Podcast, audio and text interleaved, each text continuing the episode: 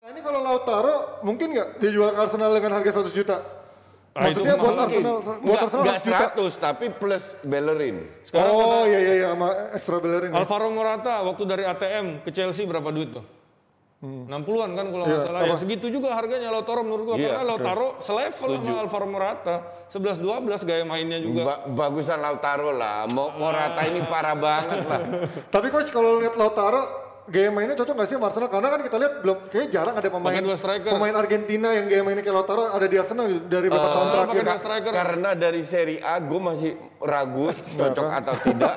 Tapi at least, at least gue bilang bisa bersaing dengan Lacazette. Dan kalau dari sisi murni individual quality, bagusan Lautaro daripada Lacazette. Menurut Oke. gua Lautaro adalah striker eh, zaman dulu Ji, yang selalu eh, berpasang-pasangan.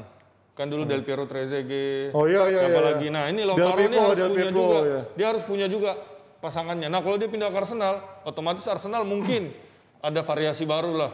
Kan Cuman masa dia- dia- dia- dia 4-2-3 4-2-3-1 terus. Dia ini kan eh, pemain kalau menurut gue ya bekerja keras juga. Iya, iya. Jadi bantu defense, mobile, punya Iya. skill, bola atas, bola bawah cukup bagus. Bukan sayap, Me- ya. Memang bukan top, Iya. tapi cukup bagus dan gue gue bilang sangat bisa sangat dibutuhkan untuk Arsenal di mana strikernya yang bisa andelin cuma Lacazette.